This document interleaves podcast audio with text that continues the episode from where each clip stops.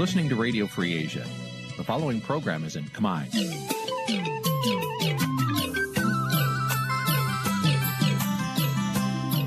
នេះជាកម្មវិធីផ្សាយ Vuthu Azizi Serai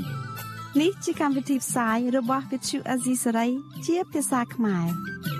Vuthu Azizi Serai សូមស្វាគមន៍លោកអ្នកនាងទាំងអស់ពីរដ្ឋធានី Washington នៃសហរដ្ឋអាមេរិក។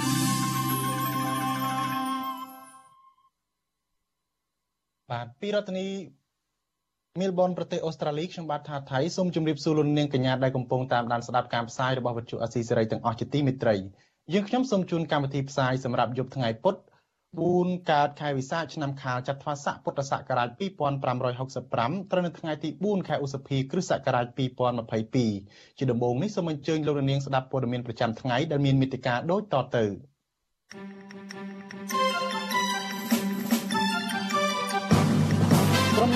រុមអ្នកជំនាញរិះគន់ថាលោកហ៊ុនម៉ាណែតមិនស័ក្តិសមធ្វើជានាយករដ្ឋមន្ត្រី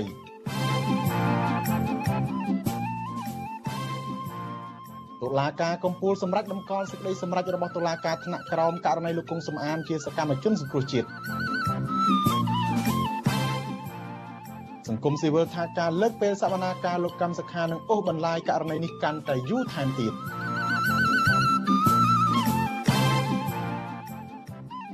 សាច់ញាតិពលករខ្មែរ2នាក់ស្នើឲ្យមន្ត្រីស្ថានទូតខ្មែរជួយអន្តរាគមន៍រឿងតុលាការថៃកាត់ទោសពួកគេដោយអយុត្តិធម៌រួមនឹងព័ត៌មានសំខាន់សំខាន់មួយចំនួនទៀត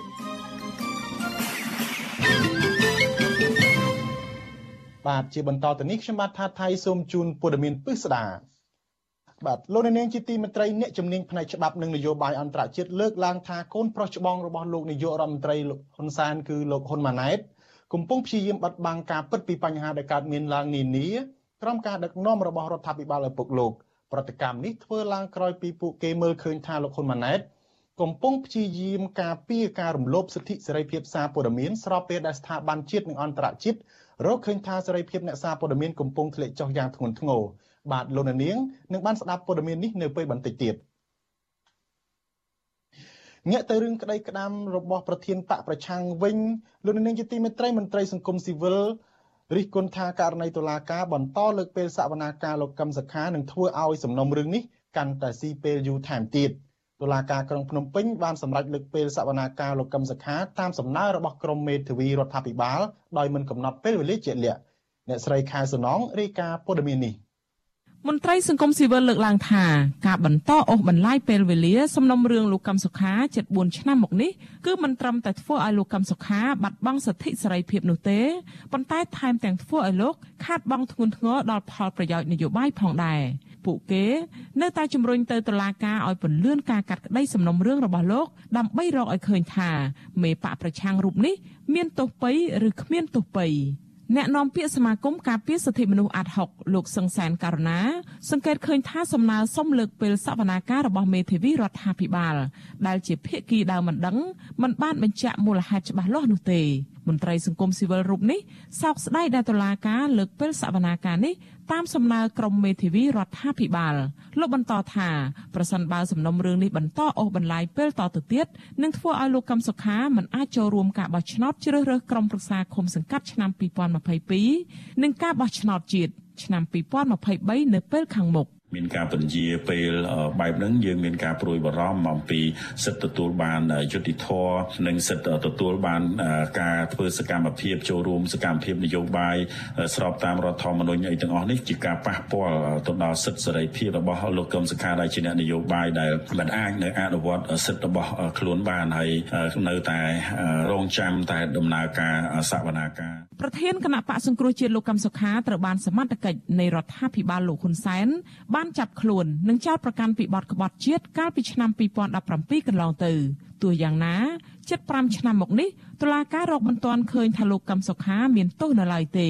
ទោះជាគណៈបករបស់លោកត្រូវបានតុលាការកំពូលរំលាយចោលក្រោយពីការចោទប្រកាន់ថាលោកកឹមសុខា បានរួមគំនិតជាមួយរដ្ឋបរទេសដើម្បីផ្ដួលរំលំរដ្ឋាភិបាលកម្ពុជានាយកទទួលបន្ទុកកិច្ចការទូតនៃអង្គការលីកាដូលោកអំសំអាត សង្កេតឃើញថាសំណុំរឿងលោកកំសុខា បានបន្តអូសបន្លាយយូរបែបនេះ ហើយពញាពេលសវនាការនេះថែមទៀតធ្វើឲ្យសំណុំរឿងនេះកាន់តែស៊ីពេលវែងថែមទៅទៀតមន្ត្រីសង្គមស៊ីវិលរូបនេះលើកឡើងទៀតថាសំណុំរឿងលោកកម្មសុខាត្រូវបានមតិជាតិនិងអន្តរជាតិថាជារឿងនយោបាយដូច្នេះលោកក៏ចង់ឲ្យអ្នកនយោបាយដោះស្រាយរឿងនេះតាមរយៈការផ្សះផ្សានយោបាយឡើងវិញដើម្បីផ្ដល់ផលចំណេញដល់កម្ពុជាអញ្ចឹងតើតើនឹងដំណើរឯកឧត្តមសង្គមកម្មសខានេះខ្ញុំគិតថាបើអ្នកនយោបាយមានឆន្ទៈទាំងអស់គ្នាយើងអាចរកច្រកដើម្បីដោះស្រាយបញ្ចប់នៅវិបត្តិនយោបាយហ្នឹងទៅដើម្បីឈរលើដំប្រយោជន៍ជាតិដំប្រយោជន៍ប្រជាពលរដ្ឋជាធំហើយវិលរកការប្រកួតប្រជែងតាមបែបលទ្ធិជាតបតៃគឺការប្រកួតប្រជែងតាមរយៈនៃការបោះឆ្នោតអានឹងគឺផលចំណេញសម្រាប់កម្ពុជាយើងអាចនឹងមានច្រើនការលើកឡើងបែបនេះរបស់អ្នកការពារសិទ្ធិមនុស្សក្រោយពេលតុលាការក្រុងភ្នំពេញសម្រេចលើកពេលសវនាការលោកកឹមសុខាដែលក្រុងជំនុំជម្រះនៅថ្ងៃទី4ខែឧសភាតាមសំណើរបស់ក្រុមមេធាវីរដ្ឋាភិបាលដោយមិនកំណត់ពេលវេលាជាក់លាក់នៃការបន្តសវនាការឡើងវិញនៅថ្ងៃណាមួយនៅឡើយទេ លិខិតរបស់ក្រមមេធាវីរដ្ឋាភិបាលដែលផ្ញើជូនប្រធានក្រុមប្រឹក្សាជំនុំជម្រះនៃសាលាដំបងរាជធានីភ្នំពេញលោកចៅក្រមកុយសៅកាលពីថ្ងៃទី3ខែសុភាឲ្យដឹងថាពួកគេមានធរៈចាំបាច់មិនអាចខកខានទើបមិនអាចចូលរួមសវនាការនៅថ្ងៃទី4ខែឧសភាបាននិងស្នើទៅតុលាការបន្តសវនាការទៅថ្ងៃក្រោយវិញ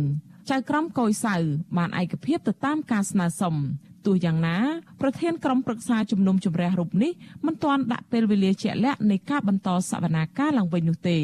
ជុំវិញករណីនេះវិទ្យុអាស៊ីសេរីមិនអាចសុំប្រតិកម្មពីប្រធានក្រុមមេធាវីការពារក្តីលោកកឹមសុខាបាននៅឡើយទេ នៅថ្ងៃទី4ខែឧសភាចំណែកប្រធានលេខាធិការដ្ឋានសាលាដំបងរាជធានីភ្នំពេញលោកអ៊ីរិនក៏មិនអាចតាក់ទងសុំបំភ្លឺបានដែរអំពីការកំណត់សវនាការឡើងវិញនៅថ្ងៃណានោះ។ កាលពីសវនាការលោកកឹមសុខាលើកទី38ថ្ងៃទី27ខែមេសាកន្លងទៅតុលាការប្រកាសឲ្យបន្តសវនាការនៅថ្ងៃពុធទី4ខែឧសភាប៉ុន្តែក្រមមេធាវីរដ្ឋាភិបាល បានស្នើសុំលើកពេលកាត់ក្តីទៅថ្ងៃទី6ឧសភាព្រោះពួកគេថាមានភារកិច្ចផ្ទាល់ខ្លួននៅថ្ងៃទី4ខែឧសភា ចំណែកក្រុមមេធាវីលោកកំសុខាប្រាប់តុលាការថា ពួកគេក៏មានការរវល់នៅថ្ងៃទី6ឧសភាខាងមុខដែរ ទោះយ៉ាងណាមន្ត្រីបកប្រឆាំងមួយចំនួនដែលស្និទ្ធនឹងលោកកឹមសុខា បានបង្ហោះសារលើបណ្ដាញសង្គម Facebook រិះគន់ការពន្យាពេលសវនាការនេះថាជាការសម្រេចដែលគួរឲ្យសោកស្ដាយនិងហួសចិត្តបំផុត ដែលបង្ហាញពីភាពលំអៀងនិងធ្វើឲ្យប៉ះពាល់ដល់សិទ្ធិទទួលបានការជំនុំជម្រះក្តីដោយយុត្តិធម៌និងឆាប់រហ័សចា៎នាងខ្ញុំខែសុណងវិទ្យុអាស៊ីសេរីរាយការណ៍ពីរដ្ឋធានី Washington បាទលោកនាងជាទីមិត្តរីស្របពេលដែលសំណុំរឿងរបស់លោកកឹមសខាចេះតែបញ្ជាពេលតទៅនេះការបោះឆ្នោតជ្រើសរើសក្រុមប្រឹក្សាឃុំសង្កាត់អាណត្តិទី5នឹងខិតជិតចូលមកដល់គឺនៅថ្ងៃអាទិត្យទី5ខែមិថុនាខាងមុខក្រុមអង្គការសង្គមស៊ីវិលមិនតិចជាង60ស្ថាប័នទេបានដាក់សំណើឲ្យរដ្ឋាភិបាលធានាឲ្យបាននៅលក្ខខណ្ឌអបបរមាឬនិយាយម្យ៉ាងទៀតថាឲ្យរដ្ឋាភិបាលធានាឲ្យបាននៅលក្ខខណ្ឌទាបបំផុត ដើម្បីឲ្យការបោះឆ្នោតនេះប្រព្រឹត្តទៅដោយសេរីត្រឹមត្រូវនិងយុត្តិធម៌តើលក្ខខណ្ឌទាំងនោះមានអ្វីខ្លះហើយថាតើគណៈកម្មាធិការជ្រៀបចំការបោះឆ្នោតឆ្លើយតបយ៉ាងណាដែរចំពោះសំណុំពរទាំងនេះបាទបន្តិចទៀតនេះលោកមានរិទ្ធនឹងរាយការណ៍ព័ត៌មាននេះ thank you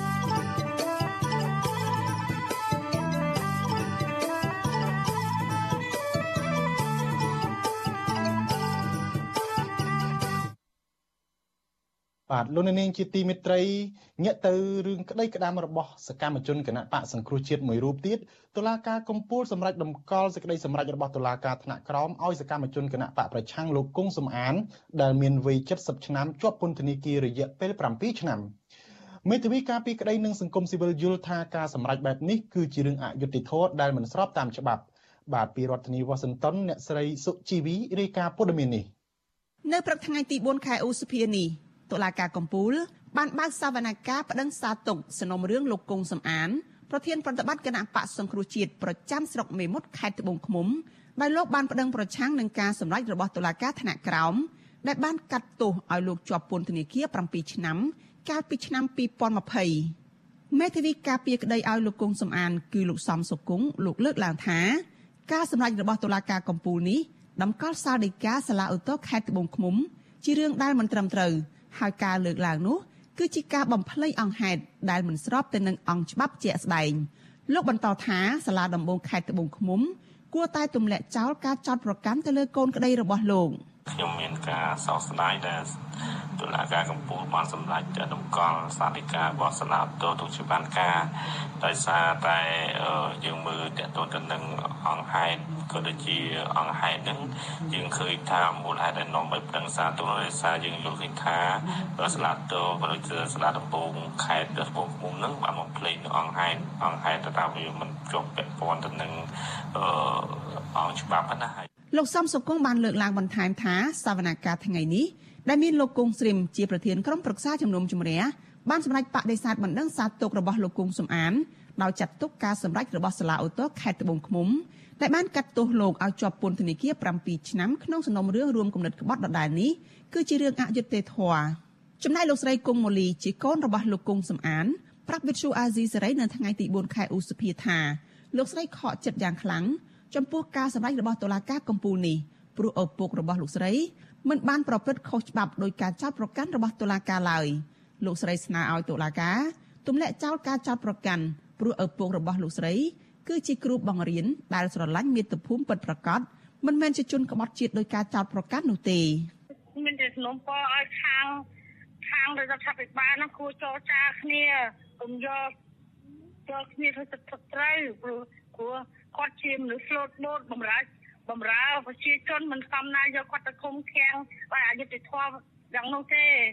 មានតែសូមឲ្យដោះលែងគាត់គាត់មានសេរីភាពឡើងវិញជុំវិញរឿងនេះមន្ត្រីការពារសិទ្ធិមនុស្សនៅសមាគមអាត6លោកសឹងសែនករណាលើកឡើងថាការសម្រេចបដិសេធរបស់តុលាការកំពូលជុំវិញពាក្យបណ្ដឹងសាទុករបស់លោកគង់សំអាននេះគឺជារឿងនយោបាយដែលកម្ពុជាកំពុងតែប្រើប្រាស់ប្រព័ន្ធតុលាការ ដើម្បីធ្វើទុកបុកម្នេញទៅលើអ្នកគាំទ្របកប្រឆាំងលោកបន្តថា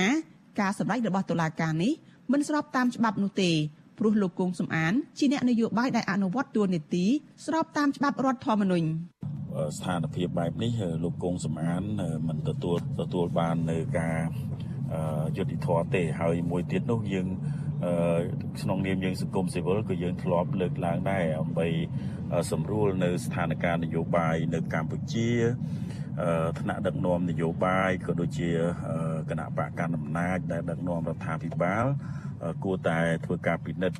និងកែប្រែស្ថានភាពនេះពីស្ថានភាពតានតឹងដែលរងការរិះគន់ពីសហគមន៍ជាតិអន្តរជាតិហ្នឹងក៏គួរតែធ្វើការបើកនៅលំហសិទ្ធិសេរីភាព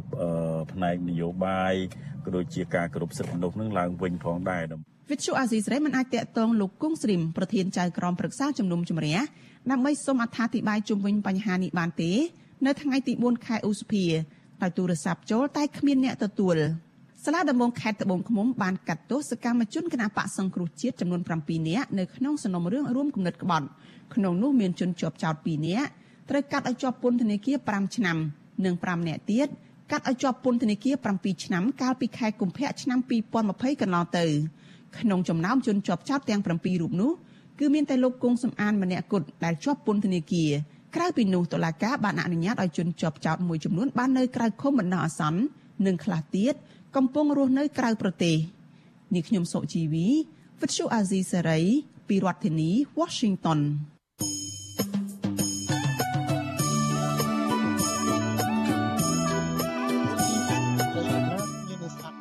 យវិទ្យុអាស៊ីសេរីតាមបណ្ដាញសង្គម Facebook និង YouTube លោកនាងក៏អាចស្ដាប់ការផ្សាយរបស់វិទ្យុអាស៊ីសេរីតាមរយៈរលកធាតុអាកាសខ្លីឬ Shortwave តាមកម្រិតនិងកម្ពស់ដូចតទៅនេះ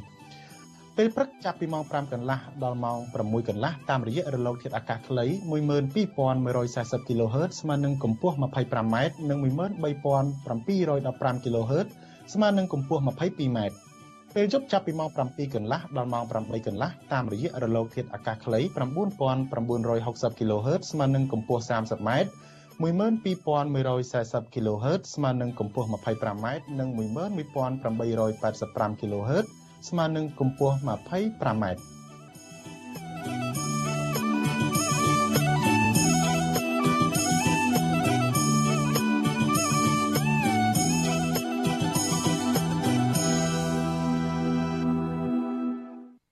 បាទលោកនាងជាទីមេត្រីអាញាធរជំនាញតែងតែបង្ក្រាបនិងរឹបអូសយកឱសថឬថ្នាំคล้ายៗទៅបំផ្លាញចោលជាញឹកញយ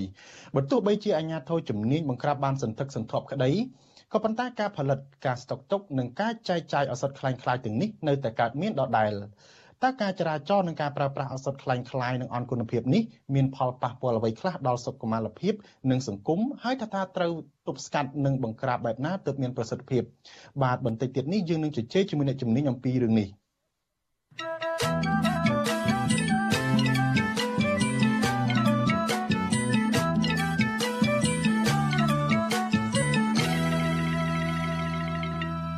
បាទលោកនាងជាទីមេត្រីងាកទៅប្រទេសថៃវិញតុលាការថៃខេត្តរយองបានកាត់ទោសពលករខ្មែរ2នាក់ឲ្យជាប់ពន្ធនាគារ5ឆ្នាំ4ខែពីបទរំលោភសេពសន្តិវៈក៏ប៉ុន្តែសាច់ញាតិពលករនិងអង្គការសង្ត្រាល់គិតថាសាលក្រមនេះមានភាពអយុត្តិធម៌ពួកគេយល់ថាពលករខ្មែរទាំងពីរនាក់មិនបានប្រព្រឹត្តកំហុសដោយការចាត់ប្រកាន់នោះទេបាទលោកនាងនឹងបានស្ដាប់ព័ត៌មាននេះពឹស្ដានៅព្រឹកស្អែក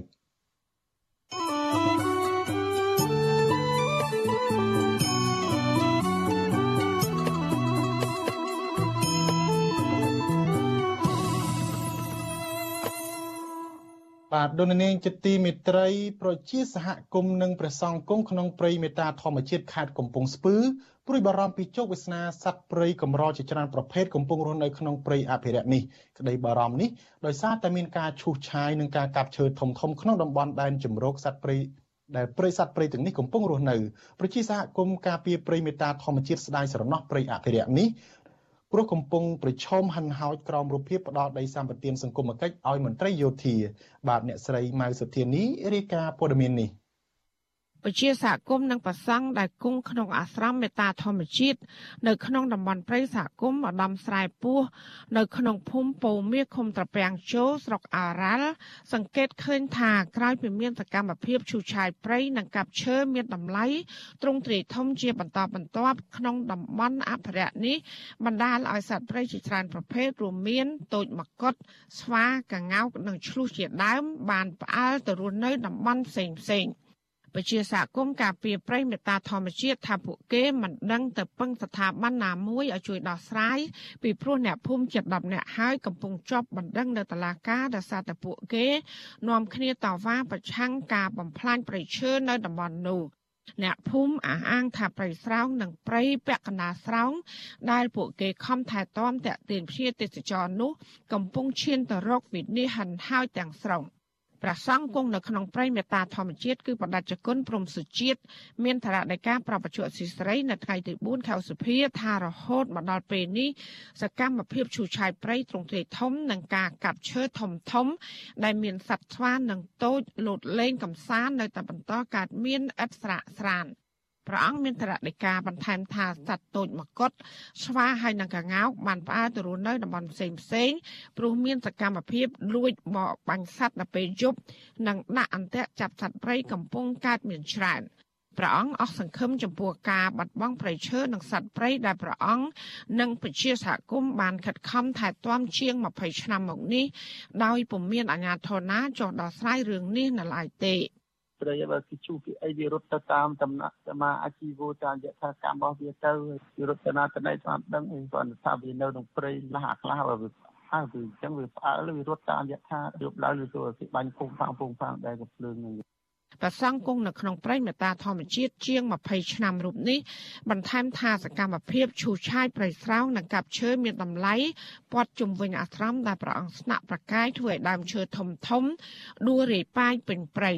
រីឯផ្នែកខ្លះក៏ត្រូវបានគេឈូសឆាយព្រៃឲ្យคล้ายជាវីរហោស្ថាន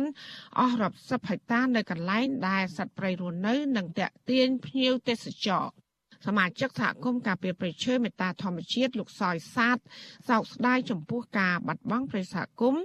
និងសត្វព្រៃដែលពួកលោកខិតខំថែរក្សាជាង25ឆ្នាំកន្លងមកនេះ លោកថាវត្តមេត្តាធម្មជាតិដែលហុំព័ទ្ធដល់ព្រៃប្រសានិងសត្វព្រៃរស់នៅយ៉ាងសុខសាន្តបច្ចុប្បន្ននេះក្រមមន្ត្រីយោធាង70កំពុងសម្រុកឈូសឆាយព្រៃនិងកាប់ឈើធំធំព័ទ្ធជុំវិញវត្តនេះលោកច្រៀងចម្រៀងមួយបទលេឡំដោយទឹកភ្នែកបង្ហោះតាមបណ្ដាញសង្គមបង្ហាញពីការស្ដាយព្រៃដែលពួកលោកខំការពារបែកជាត្រូវបំផ្លិចបំផ្លាញទាំងស្រុង។ ខ្លឹមសារដែលខ្ញុំបានតាក់តែងភ្លាមច្រៀងភ្លាមដើម្បីនឹកឃើញការសោកស្ដាយរបស់ខ្ញុំ ដែលខ្ញុំខំការពារគេបំផ្លិចបំផ្លាញចោលនឹកឡើងសន្តាយធម្មជាតិទេក្រៃបំផ្លាញទៀតហើយណាថ្លៃបំផ្លាញព្រឹកព្រៃធម្មជាតិខ្ញុំអើយ ធម្មជាតិត្រជាក់រំរាក់សុខសានតែខ្ញុំភ្លេចនឹក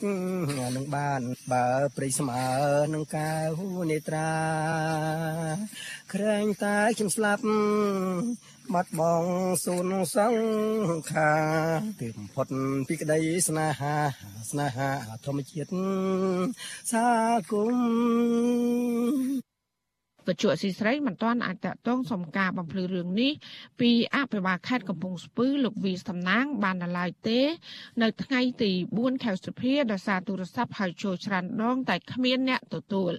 រីឯមេឃុំតាពាំងចូលលោកទេពណែមក៏វិជ្ជាអសីស្រីនៅមិនទាន់អាចសុំការបំភ្លឺបានដែរនៅថ្ងៃដដែលនេះកាលពីខែសីហាឆ្នាំ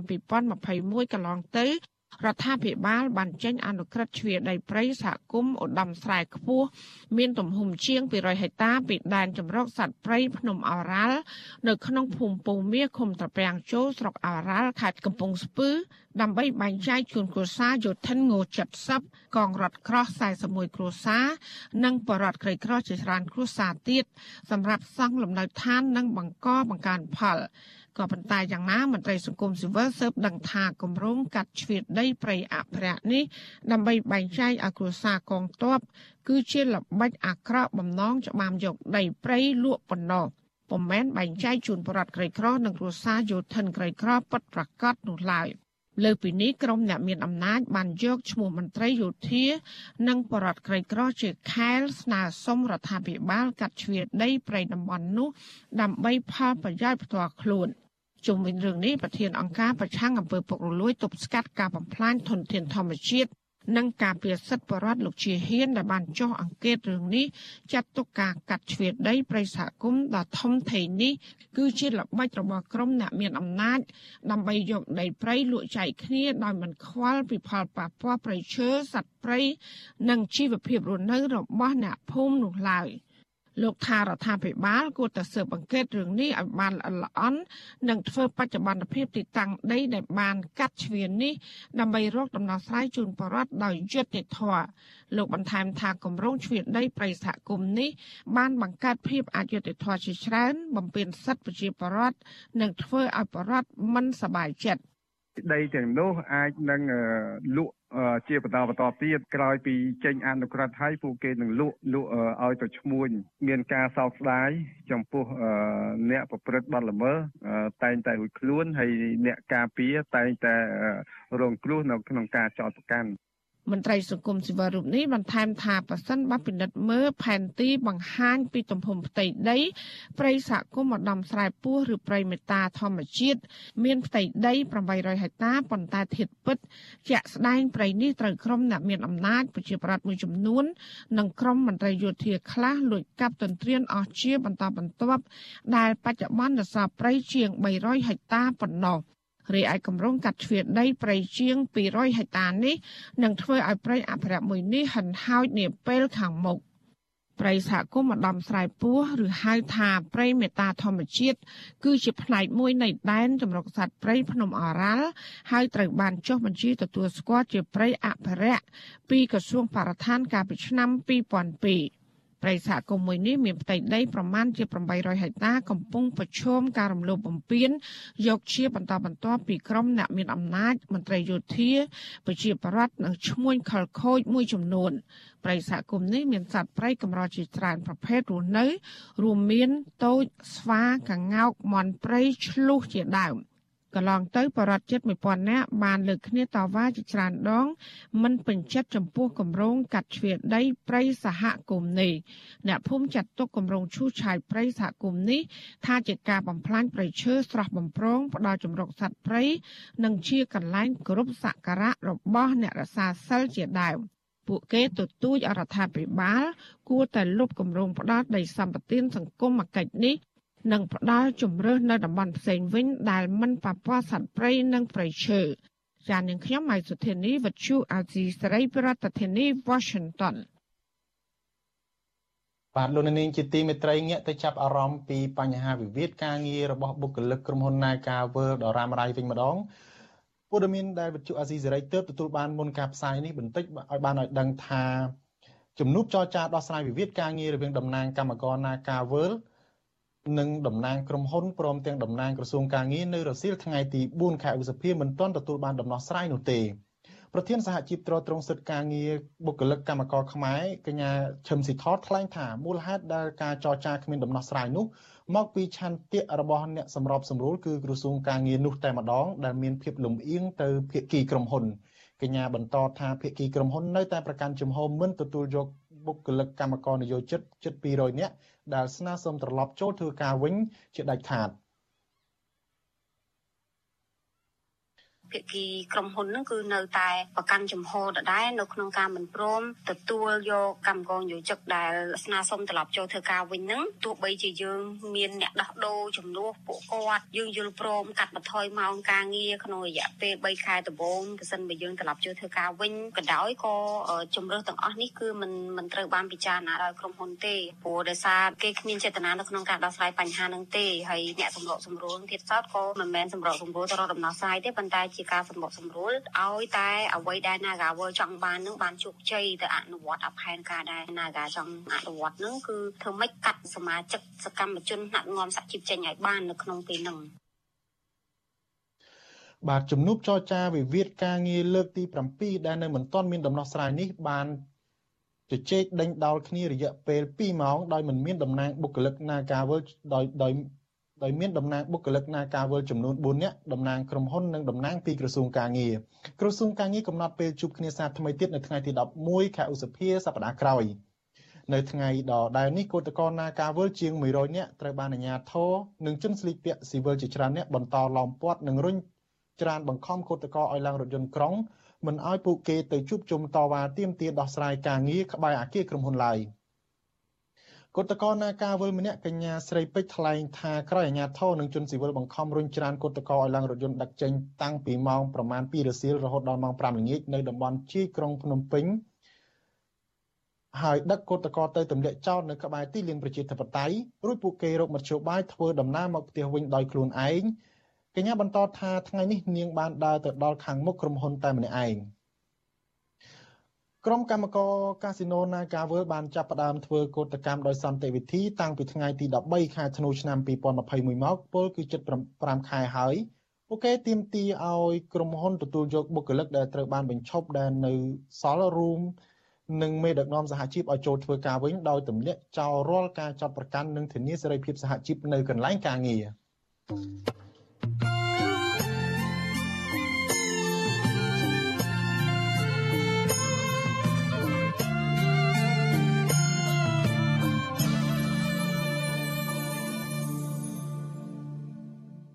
បាទលោកនាងជាទីមេត្រីក្រសួងសុខាភិបាលថ្ងៃនេះបានរកឃើញអ្នកឆ្លងជំងឺ Covid ចំនួនម្នាក់ថ្មីទៀតដែលជាវីរុសបំលែងថ្មីប្រភេទ Omicron ឆ្លងក្នុងសហគមន៍គិតត្រឹមថ្ងៃទី4ឧសភាកម្ពុជាមានអ្នកកើតជំងឺ Covid ជាង136,000នាក់ក្នុងនោះអ្នកជាសះស្បើយមានជាង130,000នាក់និងអ្នកស្លាប់មានចំនួន3056នាក់ ចំពោះការចាក់វ៉ាក់សាំងបង្ការជំងឺ Covid-19 វិញក្រសួងសុខាភិបាលបានប្រកាសថាគិតត្រឹមថ្ងៃទី3ឧសភាម្សិលមិញរដ្ឋាភិបាលបានចាក់ជូនពលរដ្ឋដែលមានអាយុចាប់ពី3ឆ្នាំឡើងទៅបានជាង14លាន9សែន40,000នាក់សម្រាប់ដូសទី1រីឯដូសទី2ចាក់បានជិត14លាន2សែននាក់ហើយដូសទី3និងដូសទី4វិញរដ្ឋាភិបាលចាក់ជូនពលរដ្ឋបានជាង10លាន4សែន20,000នាក់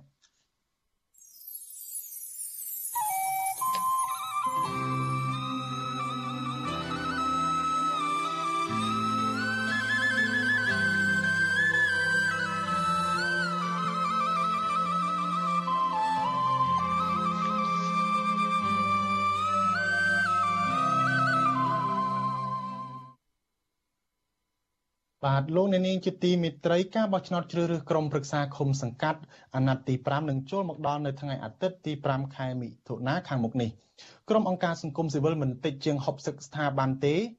បានដាក់សំណើឲ្យរដ្ឋាភិបាលធានាឲ្យបាននៅលក្ខខណ្ឌអបបរមាឬនិយាយម្យ៉ាងទៀតថាឲ្យរដ្ឋាភិបាលធានាឲ្យបាននៅលក្ខខណ្ឌទាបបំផុតដើម្បីឲ្យការបោះឆ្នោតនេះប្រព្រឹត្តទៅដោយសេរីត្រឹមត្រូវនឹងយុត្តិធម៌ តើលក្ខខណ្ឌទាំងនោះមានអ្វីខ្លះហើយថាតើគណៈកម្មាធិការជាតិរៀបចំការបោះឆ្នោតឆ្លើយតបយ៉ាងណាចំពោះសំណុំទោសំណុំពរទាំងនោះបាទជាបន្តទៅនេះលោកមានរិទ្ធរាយការណ៍ផ្ទាល់អំពីរឿងនេះបាទសូមជម្រាបសួរលោកមានរិទ្ធបាទបាទជំរាបសួរលោកថាថៃជំរាបសួរប្រិមត្តវិទ្យុស៊ីស្រីទាំងអស់បាទបាទលោកមានរិទ្ធអឺដូចយើងបានជ្រាបដែរកាលពី ប្រហែលខែមុននេះក្រុមអង្គការសង្គមស៊ីវិលជាង60ស្ថាប័នបានស្នើសុំទៅរដ្ឋាភិបាលឲ្យធានានៅលក្ខខណ្ឌចំនួន6ចំណុចអឺ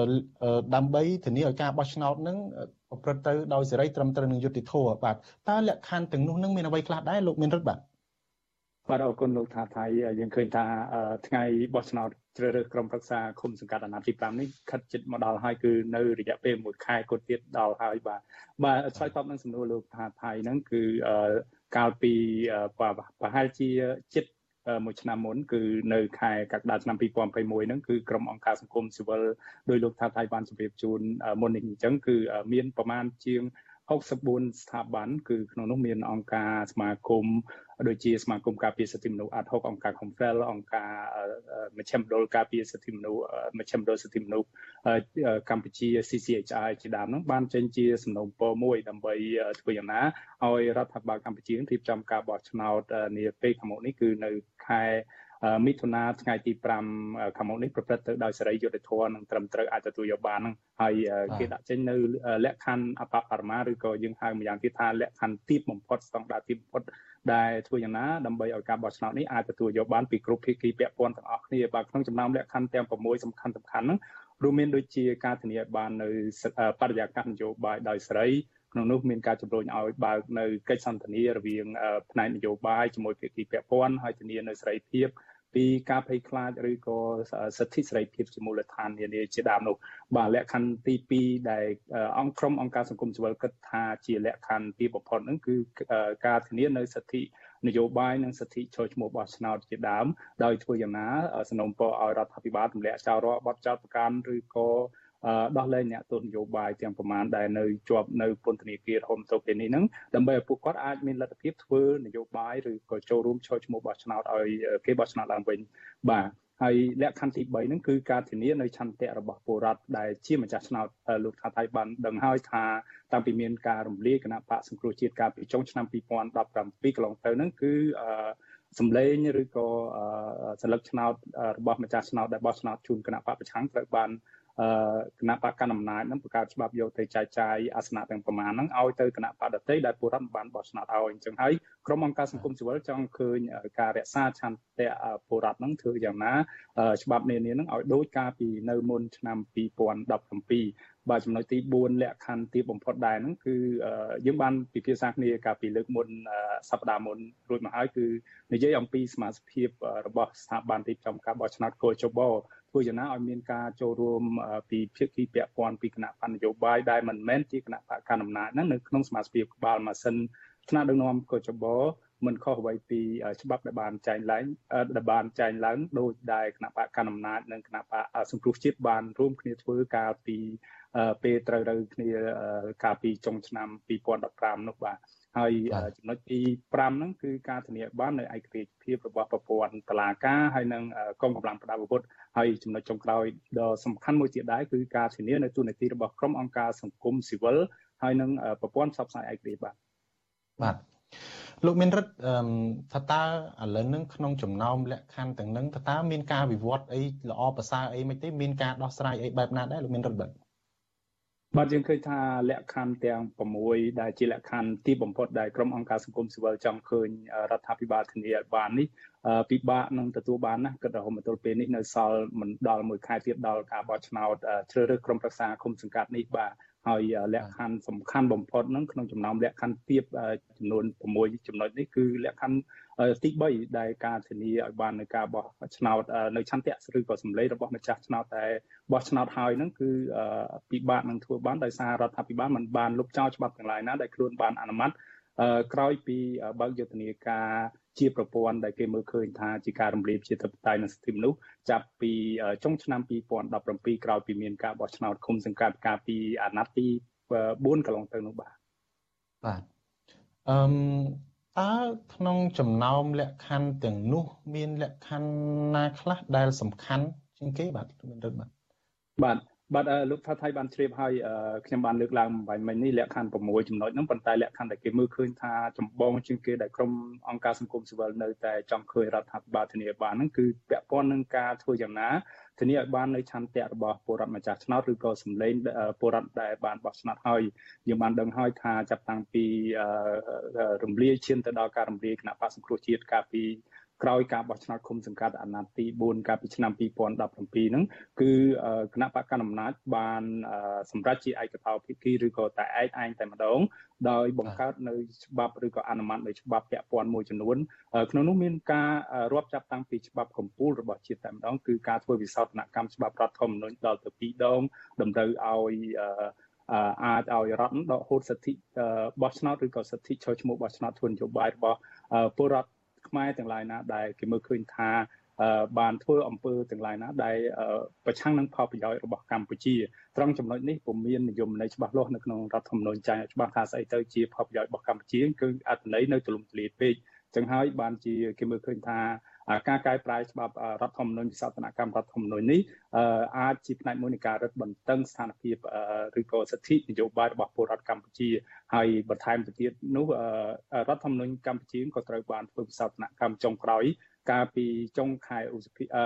ចុងខែវិច្ឆិកាឆ្នាំកន្លងទៅនឹងយើងឃើញថាមានការតម្រូវឲ្យថ្នាក់ដឹកនាំកម្ពុជាកម្ពុជារបស់រដ្ឋហ្នឹងមានដូចជាប្រធានប្រសិទ្ធិប្រធានរដ្ឋសភា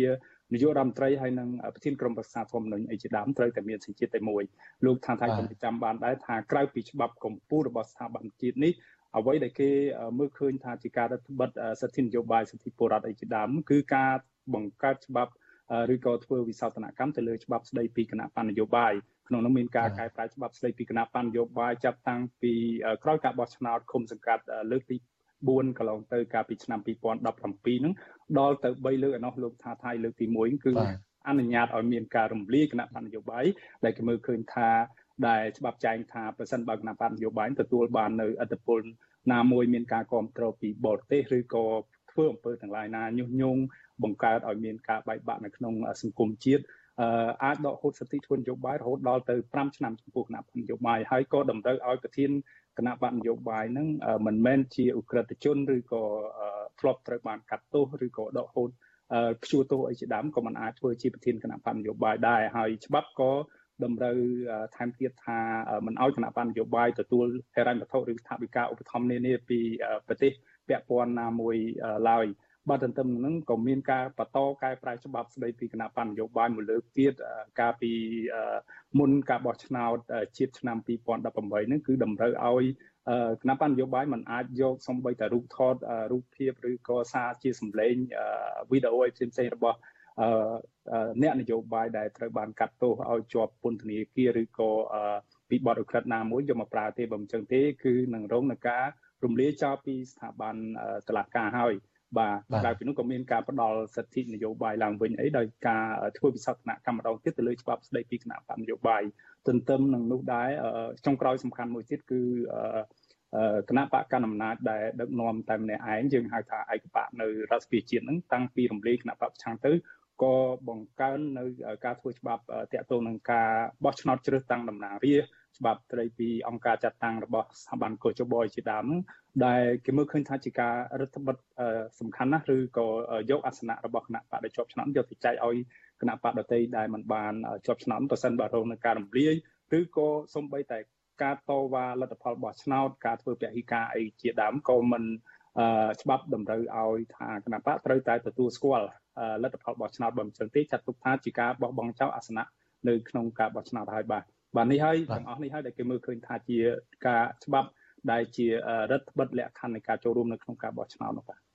បាទអឺកាលពីសប្តាហ៍មុនលោកមានរិទ្ធក៏បានជជែក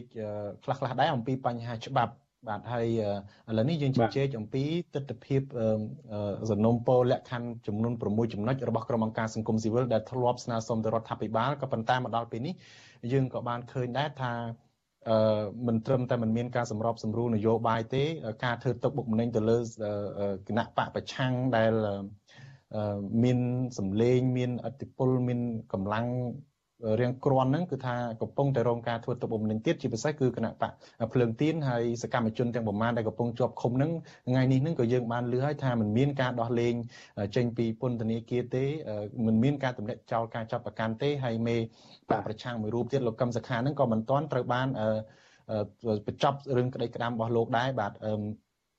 ក្រៅពីនឹងយើងឃើញថាក្រុមអង្គការសង្គមស៊ីវិលក្រុមអ្ នកសារព័ត៌មានក៏ត្អូញត្អែពីសេរីភាពរបស់ខ្លួនមិនទាន់អាចធ្វើការងាររបស់ខ្លួនដោយសេរីពេញលេញនៅឡើយទេដូច្នេះលក្ខខណ្ឌទាំង6ចំណុចដូចលោកបានលើកឡើងថាមិនទាន់មានភាពជឿនលឿនទៅមុខនោះទេបាទតាកតងទៅនឹងសមាជិកភាពកោជបកាលពីសប្តាហ៍មុនលោកក៏បានលើកឡើងខ្លះៗដែរថាមានការប្រែប្រួលដោយក្បាលម៉ាស៊ីនថ្នាក់ដឹកនាំកោជបបច្ចុប្បន្ននេះគឺត្រូវបានផ្លាស់ប្ដូរ ផ្លាស់ប្ដូរភាគច្រើននៅក្នុងចំណោមសមាជិកទាំង9សមាជិកភាពសំខាន់សំខាន់ហ្នឹងគឺសិតតែមកពីមនុស្សរបស់គណៈបកកណ្ដាលអំណាចទាំងអស់តែម្ដងហើយឥឡូវនេះក្រុមអង្គការសង្គមស៊ីវិលស្នើសុំឲ្យមានការកែប្រែសមាជិកភាពទាំងនឹងថាតើមកដល់ពេលនេះខាងកោជបក្តីរដ្ឋាភិបាលក្តីនឹងមានការឆ្លើយតបបែបម៉េចដែរចំពោះការស្នើសុំឬក៏ការសំណូមពររបស់ក្រុមអង្គការសង្គមស៊ីវិលតាក់ទងទៅនឹងការរៀបចំសមាជិកភាពរបស់កោជបនោះបាទ បាទអរគុណលោកថាថៃត្រឹមត្រូវណាស់ការលើកឡើងទាំងប្រមាណនេះយើងឃើញថាជាទូទៅនៅរៀងរាល់ពេលបោះឆ្នោតម្ដងម្ដងយើងឃើញថាក្រុមអង្គការសង្គមស៊ីវិលតែងតែដាក់សំណើនានាចង់ឃើញស្ថាប័នកោជបធ្វើការកែលម្អឬក៏អឺកែសម្រួលសមាជិករបស់ខ្លួនដើម្បីធ្វើយ៉ាងណាទទួលបាននៅទំនុកចិត្តឡើងវិញពីពលរដ្ឋក៏ប៉ុន្តែខ្ញុំបានដាក់សំណួរនេះទៅកាន់អ្នកនាំពាក្យស្ថាប័នរៀបចំការបោះឆ្នោតលោកខំពធាលោកឆ្លើយតបថាកោជបជា ជាគោលការណ៍គឺទទួលយកនៅរាល់អនុសាសន៍ផ្សេងៗពីក្រមអង្គការសង្គមស៊ីវិលក៏ប៉ុន្តែលោកថាអនុសាសន៍មួយចំនួនហ្នឹងគឺវាហួសពីដែនសមត្ថកិច្ចរបស់ស្ថាប័នកោជបក្នុងការអនុវត្តដែលផ្ទុយទៅវិញនឹងរឹតតែធ្វើឲ្យស្ថាប័នកោជបហ្នឹងធ្វើផ្ទុយទៅផ្ទុយទៅនឹងច្បាប់ទៅវិញទេរាល់សំណុំពរឬលក្ខខណ្ឌបរមាទីបំផុតរបស់ក្រុមអង្គការសង្គមស៊ីវិលដែលបានដាក់ចេញនេះបាទនេះគឺជាសម្លេងឆ្លើយតបរបស់លោកអង្គប្រធានអ្នកនាំពាក្យស្ថាប័នទីចំការបោះឆ្នោតកោជបបាទ សូមជំរាបថាកោជបតែងតែស្វាគមន៍នៅរាល់សំណើនិងអនុសាសន៍ទាំងឡាយប៉ុន្តែការអនុវត្តបានកម្រិតណានោះมันផ្អែកទៅលើសំណើនោះទេគឺផ្អែកទៅលើបទជានិងនីតិវិធីព្រមទាំងច្បាប់និងសិទ្ធិអំណាចចន្ទនិសិទ្ធដែលកោជបអាចធ្វើទៅបានបាទហើយមួយទៀតពាក់ព័ន្ធនឹងការស្នើសុំឬក៏អនុសាសន៍ផ្សេងផ្សេងយើងឃើញថាជារៀងរាល់បោះឆ្នោតតែងតែមានបញ្ហានេះកើតឡើងបាទហើយបញ្ហានេះគឺទោះបីស្នើយ៉ាងណាក៏កោជបមិនមិនអនុវត្តឲ្យខុសច្បាប់នោះទេបាទអញ្ចឹងពេលខ្លះសំណើអាចទាញឲ្យកោជបដើរខុសផ្លូវខុសច្បាប់ទៅវិញបើសិនបើកោជបចេះតែធ្វើតាមអញ្ចឹងហើយកោជបស្នើសុំវិញថាឲ្យភាគីពាក់ព័ន្ធទាំងនោះពិនិត្យពិចារណានៅរាល់សំណើរបស់ខ្លួនពីព្រោះអ្នកដែលអនុវត្តផ្ទាល់គឺកោជបហើយចំណែកសំណើការរួមមតិមិនមែនសិតទៅត្រូវអនុវត្តទៅតាមនោះទេណាទៅទៅវិញគឺកោជបបានអនុវត្តតាមច្បាប់ហើយកោជបបានផ្ដល់សិទ្ធិពេញលេញដល់ប្រជាពលរដ្ឋសម្រាប់ការបោះឆ្នោតនេះហើយដែរបាទបាទនេះជាចម្លើយការឆ្លើយតបរបស់អ្នកនាំពាក្យកោជបទៅនឹងសំណុំពរទាំង6លក្ខខណ្ឌទីបំផុតរបស់ក្រុមអង្គការសង្គមស៊ីវិលលោកថាថៃជ្រាបទេនាំពាក្យស្ថាប័នកោជបក៏បានផ្ដល់អំណះអំណាងដែរថា ការជឿទុកចិត្តឬក៏មិនជឿទុកចិត្តទៅលើស្ថាប័នកោជបហ្នឹងគឺឆ្លុះបញ្ចាំងឲ្យឃើញតាមរយៈការចូលរួមរបស់ពលរដ្ឋនៅថ្ងៃបោះឆ្នោតតែម្ដងហើយជាក់ស្ដែងលោកបានផ្ដំណាំណាងថាកាលពីឆ្នាំបោះកាលពីពេលបោះឆ្នោតឆ្នាំ2018ហ្នឹងមានពលរដ្ឋចូលរួមភាគរយនៃការចូលរួមមានរហូតដល់ទៅជាង83%ហើយកាលពីការបោះឆ្នោតឃុំសង្កាត់ឆ្នាំ2017នោះមានដល់ទៅជាង90%ក្នុងចំណោមពលរដ្ឋអឺ 100%ដែលមានចុះឈ្មោះនៅក្នុងបញ្ជីបោះឆ្នោតជាង9លានអ្នកនោះបាទបាទអឺចុះបើសិនជា អ្នកនាំពាក្យកោជបលោកហងពុទ្ធាឆ្លើយតបបែបនេះថាលោកមិនអាចធ្វើតាមសំណើរបស់ក្រុមអង្គការសង្គមស៊ីវិលទេព្រោះធ្វើទៅជួនកាលអាចទាញឲ្យកោជបនឹងខុសច្បាប់ទៅវិញអឺចុះពីខាងក្រុមអង្គការសង្គមស៊ីវិលទៅវិញតើតើបើសិនជាកោជបឬក៏រដ្ឋាភិបាលមិនព្រមកែតម្រូវទៅតាមលក្ខខណ្ឌទាំងនឹងទេតើតើពួកគេវិយតម្លៃបែបណាការបោះឆ្នោតនេះ បាទបាទសំណួរនេះយើងក៏ចង់ដឹងគ្រប់គ្នាដែរក៏ប៉ុន្តែខាងក្រុមអង្គការសង្គមស៊ីវិលនៅមិនទាន់ចេញចំហជាក់លាក់ជាផ្លូវការណាមួយនៅឡើយទេមកដល់ពេលនេះហើយខ្ញុំបានតាក់ទងទៅលោកដែលអ្នកជំនាញកិច្ចការបោះឆ្នោតលោកកនស្វាងហ្នឹងលោកថាក្រុមអង្គការសង្គមស៊ីវិលនឹងលើកឡើងនៅបញ្ជាក់ចំហរបស់ខ្លួនជាផ្លូវការគឺនៅក្នុងអំឡុងពេលមុនឬក៏ក្នុងអំឡុងពេលយុទ្ធនាការនៃការឃោសនាបោះឆ្នោតដែលនឹងឈានមកដល់នៅប្រមាណជាកន្លះខែទៀតនេះបាទ បាទអឺនៅក្នុងសប្តាហ៍នេះងាកមកតាក់ទងនឹងព័ត៌មានសំខាន់សំខាន់តើតើលោកមានរដ្ឋមានព័ត៌មានបច្ចុប្បន្នភាពអ្វីខ្លះទេដែលអ្នកពលរដ្ឋគូតែយល់ដឹងបាទបាទសម្រាប់ពលរដ្ឋជាម្ចាស់ឆ្នោតព័ត៌មានសំខាន់សំខាន់ដែលពួកគាត់គួរយល់ដឹងនៅក្នុងសប្តាហ៍នេះដែលកើតឡើងហើយដែលស្ថាប័នកោជបកំពុងរៀបចំដំណើរការបោះឆ្នោតនេះគឺទី1ពាក់ព័ន្ធទៅនឹងសេចក្តីណែនាំរបស់កោជបស្តីពីការ អនុញ្ញាតឲ្យទៅបោះឆ្នោតស្តីពីការបោះឆ្នោតបានឬក៏បោះឆ្នោតពុំបានក្នុងនោះគឺរួមមានដូចជាថាពលរដ្ឋមួយចំនួនគាត់មានអត្តសញ្ញាណប័ណ្ណមានឈ្មោះមានប័ណ្ណបោះឆ្នោតអីអញ្ចឹងយកទៅបង្ហាញនៅក្នុងពេលបោះឆ្នោតហ្នឹងឧទាហរណ៍ថាខុសភេទរបស់របស់ពួកគាត់ហ្នឹង ភេទស្រីប៉ុន្តែនៅក្នុងបានបោះឆ្នោតឬក៏ព័ត៌មានបោះឆ្នោតដាក់ភេទប្រុសអញ្ចឹងប៉ុន្តែមានឈ្មោះមានរូបថតអីដូចគ្នាទៅនឹងបញ្ជីបោះឆ្នោតហ្នឹងគឺគេអនុញ្ញាតឲ្យបោះឆ្នោតបានក្រៅពីហ្នឹងក៏មានលក្ខខណ្ឌមួយចំនួនច្រើនទៀតដែលពាក់ព័ន្ធនឹងថាធ្វើយ៉ាងណាអាចបោះឆ្នោតបានឬបោះឆ្នោតមិនបាននេះហើយ ប្រិមិត្តដែលចង់ជ្រាបច្បាស់អាចចូលរួមចូលទៅមើលនៅក្នុងគេហទំព័ររបស់ស្ថាប័នកោជបគឺ nec.gov.kh និងឬក៏តាមរយៈប្រព័ន្ធ Facebook របស់កោជបនឹងបានជ្រាបច្បាស់អំពីសេចក្តីណែនាំនេះបើក្រៅពីនោះនៅថ្ងៃនេះដែរគឺនៅក្នុងសប្តាហ៍នេះដែរគឺស្ថាប័នកោជបបានផ្សព្វផ្សាយអំពីស្ថានីយ៍ឬក៏ការិយាល័យបោះឆ្នោតសរុបនៅទូទាំងប្រទេសសម្រាប់ការបោះឆ្នោត ឃុំសង្កាត់អាណត្តិទី5នេះបាទសរុបទូទាំងប្រទេសទៅឆ្នាំនេះមានការកើនឡើងហើយស្ថាប័នការិយាល័យបោះឆ្នោតសរុបមានដល់ទៅចំនួន23602ការិយាល័យនៅទូទាំងប្រទេសកម្ពុជា24 25ខេត្តក្រុងនោះបាទទន្ទឹមនឹងនេះដែរនៅរយៈពេលនេះគឺជាដំណាក់កាលមួយនៃការចែកចាយបានព័ត៌មានសម្រាប់អ្នកបោះឆ្នោតលោកថាថៃបានជ្រាបហើយចាប់ពីថ្ងៃទី17ខែមេសា រហូតដល់ថ្ងៃទី16ខែឧសភាខែនេះតែម្ដងគឺកោចបចាប់ផ្ដើមយុទ្ធនាការឬក៏ចាប់ផ្ដើមដំណាក់កាលនៃការចែកបានព័ត៌មានផ្សព្វផ្សាយដល់អ្នកបោះឆ្នោតហ្នឹងហើយគិតត្រឹមថ្ងៃទី28ខែមេសាបើតាមកោចបឲ្យដឹងថាខ្លួនបានចែកបានព័ត៌មានដល់អ្នកបោះឆ្នោតក្នុងចំណោមពលរដ្ឋដែលមានសិទ្ធិបោះឆ្នោតជាង9លាន2សែនអ្នកហ្នឹងបានរហូតដល់ទៅ56ជាងភាគរយហើយមានន័យថា ពលរដ្ឋជាង5លាន2សែននាក់ហ្នឹងទទួលបានបានព័ត៌មានបោះឆ្នោតដែលអនុញ្ញាតឲ្យគេដែលអាចឲ្យពួកគាត់ដឹងថាគាត់ទៅបោះឆ្នោតនៅការិយាល័យបោះឆ្នោតណាហើយក្នុងហ្នឹងមានឈ្មោះមានលេខថ្ងៃខែឆ្នាំកំណើតឬក៏លេខអត្តសញ្ញាណរបស់ពួកគាត់អីហ្នឹងឲ្យដូចនៅនឹងទៅនឹងបញ្ជីបោះឆ្នោតតែម្ដងបាទក្រៅពីនេះដែរយើងក៏បានទទួលព័ត៌មានពីខាងគណៈបកប្រឆាំងមួយចំនួនគណៈបកដែលមិនមែនជាបកខណ្ឌអំណាចហ្នឹងពួកគាត់លើកឡើងថាក្នុងការចែក នីតិវិធីឬក៏ដំណាក់កាលចែកបានព័ត៌មាននេះគឺខាងកោចបខាងកោចបហ្នឹងចែកចាយហ្នឹងតែទៅតំបន់ណាដែលមានមន្ត្រីបកកណ្ដាលអំណាចអ្នកគ្រប់គ្រងក្រុមអ្នកគ្រប់គ្រងគណៈបកកណ្ដាលអំណាចច្រើនក៏ប៉ុន្តែខាងគណៈបកប្រឆាំងវិញតំបន់ដែលមានអ្នកគ្រប់គ្រងគណៈបកប្រឆាំងគឺហាក់មិនទាន់បានទទួលនៅឡើយទេចំនួនភាគរយ56ជាងភាគរយហ្នឹងហើយទន្ទឹមនឹងហ្នឹងគេក៏សង្កេតឃើញដែរថាគណៈបកកណ្ដាលអំណាចហ្នឹង បានប្រើយុទ្ធនាការនៃការនៃការចែកចាយបានព័ត៌មានយកទៅឆ្លៀតឱកាសកេងប្រវ័ញ្ចតាមរយៈការចែកអំណោយអីជាដើមបាទទាំងអស់នេះគឺជាព្រឹត្តិការណ៍វិវត្តនៅក្នុងសប្តាហ៍នេះបាទបាទអរគុណលោកមានរិទ្ធចុះនៅសប្តាហ៍ក្រោយយើងនឹងជួបគ្នាម្ដងទៀតលោកមានអ្វីនឹងជម្រាបជូនអ្នកស្ដាប់ដែរបាទបាទអរគុណសម្រាប់សប្តាហ៍ក្រោយយើងនឹងលើកយកនៅបញ្ហាសំខាន់មួយសម្រាប់ការបោះឆ្នោតលើកនេះយើងឃើញថាមានការប្រែប្រួលច្រើននៅក្នុងការបោះឆ្នោត តាក់ទងនឹងស្ថាប័នរៀបចំការបោះឆ្នោតតែម្ដងគឺស្ថាប័នកោចបបានចាប់ផ្ដើមប្រើប្រាស់ប្រព័ន្ធព័ត៌មានវិទ្យាឬបច្ចេកវិទ្យាព័ត៌មានវិទ្យាច្រើនដើម្បីគ្រប់គ្រងទិន្នន័យតាក់ទងនឹងការបោះឆ្នោតការកែប្រែទិន្នន័យនៃទាំងអស់ហ្នឹងជាជាងការប្រើវិធីសាស្ត្រដោយដៃហ្នឹងទៅប្រើតាមប្រព័ន្ធ digital computer តែម្ដងយើងនឹងពិនិត្យមើលបញ្ហាទាំងអស់នេះថាតើទទួលបាននៅទំនុកចិត្តនិងមានតម្លាភាពកម្រិតណានោះបាទ បាទអរគុណច្រើនលោកមានរិទ្ធដែលបានធ្វើសេចក្តីរាយការណ៍ផ្ទាល់យ៉ាងលម្អិតពាក់ព័ន្ធទៅនឹងដំណើរការរៀបចំការបោះឆ្នោតបាទសូមអរគុណសូមជម្រាបលាបាទបាទជម្រាបលាបាទបាទលោកអ្នកនាងជាទីមិត្តរីឥឡូវនេះតកតងទៅនឹងព័ត៌មានសំខាន់មួយទៀតគឺអ្នកជំនាញផ្នែកច្បាប់និងនយោបាយអន្តរជាតិលើកឡើងថាកូនប្រុសច្បងរបស់លោកនាយករដ្ឋមន្ត្រីហ៊ុនសែនគឺលោកហ៊ុនម៉ាណែត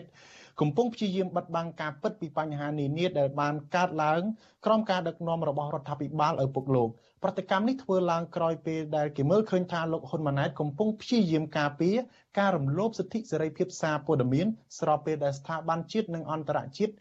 រកឃើញថាសេរីភាពសារព័ត៌មានកំពុងធ្លាក់ចុះយ៉ាងធ្ងន់ធ្ងរបាទលោកសេចបណ្ឌិតរាយការណ៍ព័ត៌មាននេះអ្នកជំនាញច្បាប់និងនយោបាយអន្តរជាតិវាយតម្លៃថា បើបេក្ខភាពនាយករដ្ឋមន្ត្រីលោកហ៊ុនម៉ាណែតព្យាយាមនិយាយបិទបាំងការពិតហើយមិនព្រមលើកយកបញ្ហាទាំងនោះមកដោះស្រាយទេទោះបីជាលោកបានក្លាយជាអ្នកដឹកនាំប្រទេសក៏ដោយក៏លោកនៅតែរក្សាប្រព័ន្ធដឹកនាំរដ្ឋបែបផ្ដាច់ការដដែលគឺមិនខុសពីគន្លងចាស់របស់ឪពុករបស់លោកឡើយអ្នកជំនាញផ្នែកច្បាប់និងវិទ្យាសាស្ត្រនយោបាយកញ្ញាសេងធីរី លើកឡើងថា ក្នុងបរិបទនយោបាយរបបឯកបកសពថៃលោកហ៊ុនម៉ាណែត ហាក់កំពុងដើរតួយ៉ាងសំខាន់ក្នុងការជំនួសដៃជើងឲ្យឪពុករបស់លោក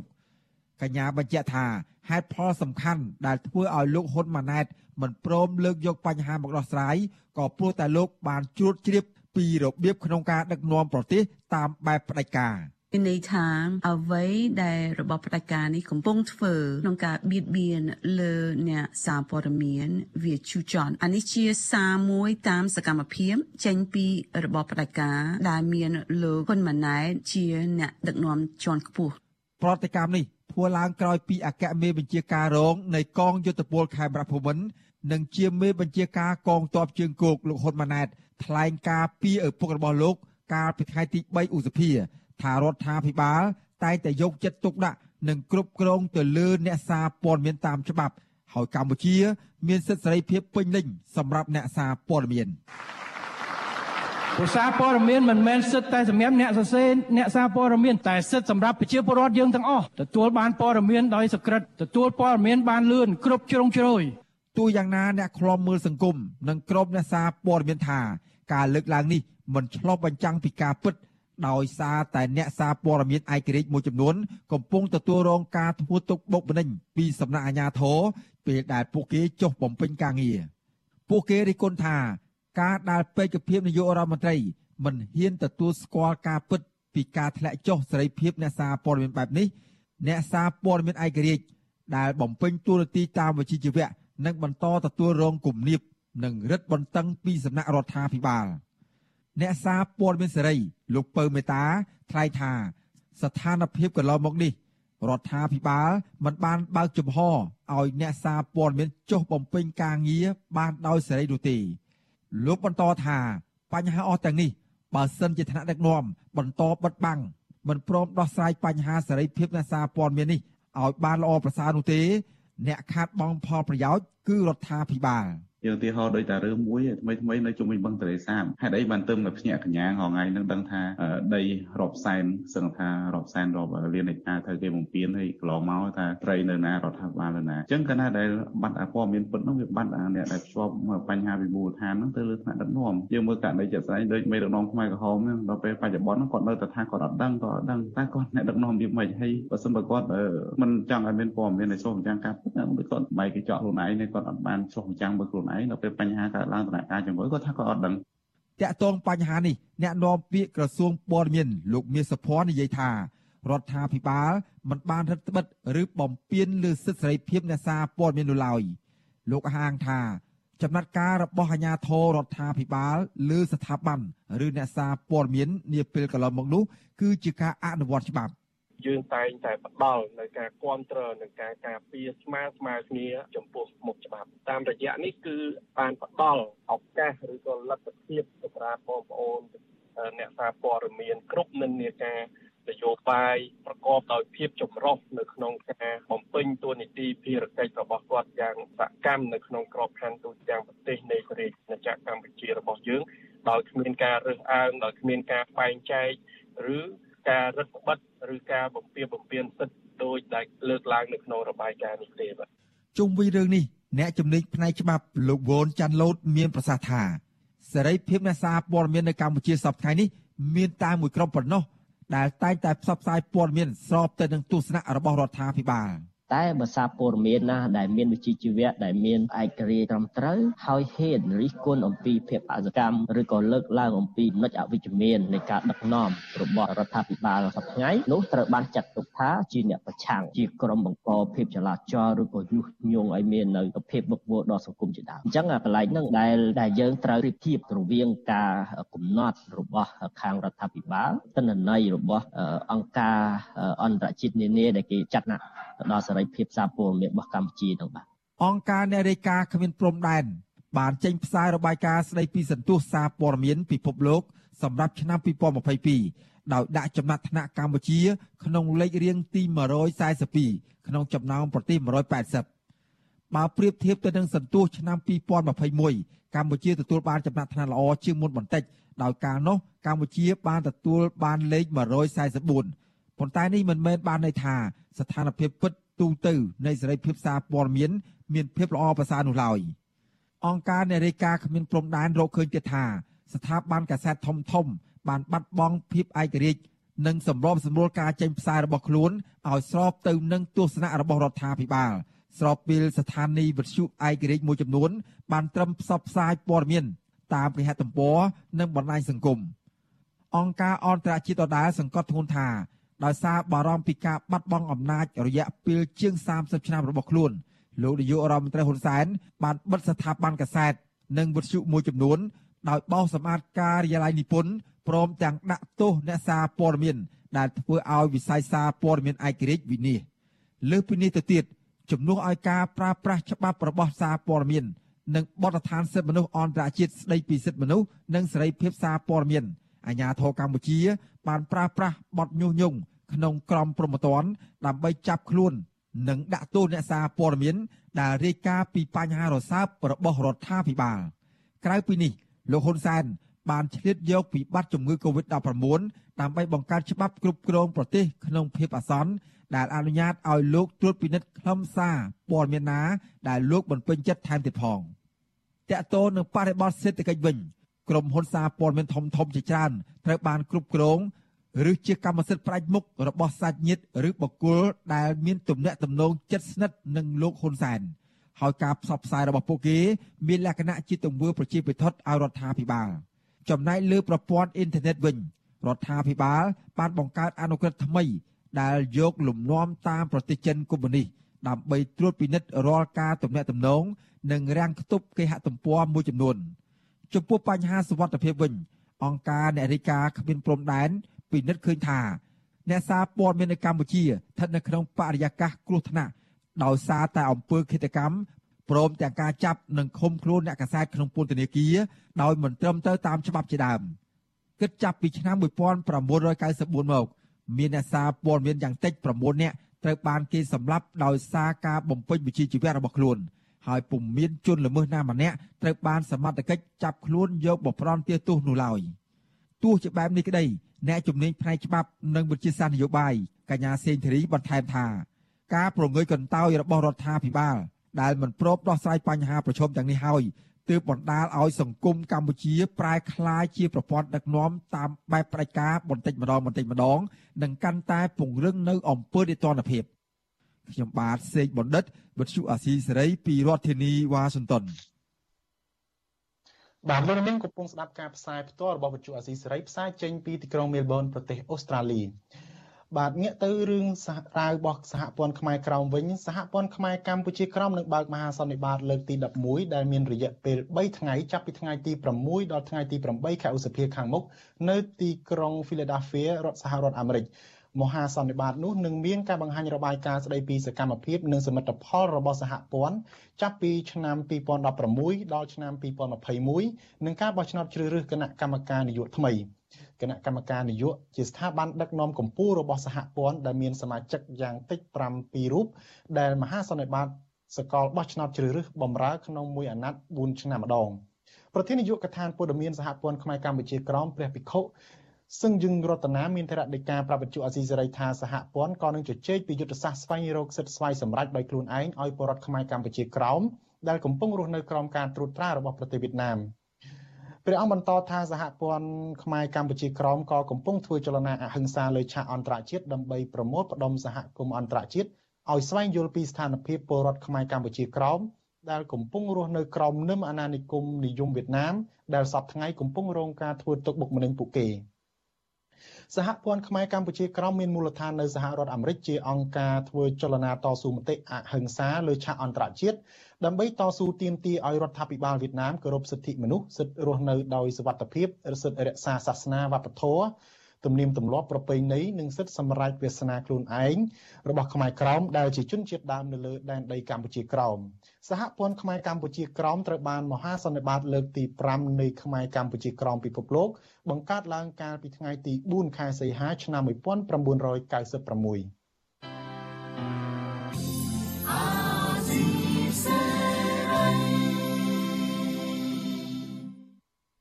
បាទលោកនាងជាទីមេត្រីសម្រាប់លោកអ្នកដែលកំពុងតាមដានស្ដាប់ការផ្សាយរបស់យើងតាមរលកធាតុអាកាសខ្លីឬ Shortwave នៅម៉ោង8កន្លះបន្តិចទៀតនេះលោកនាងនឹងមិនលឺការផ្សាយរបស់យើងទៀតទេក៏ប៉ុន្តែលោកអ្នកដែលកំពុងស្ដាប់ការផ្សាយរបស់យើង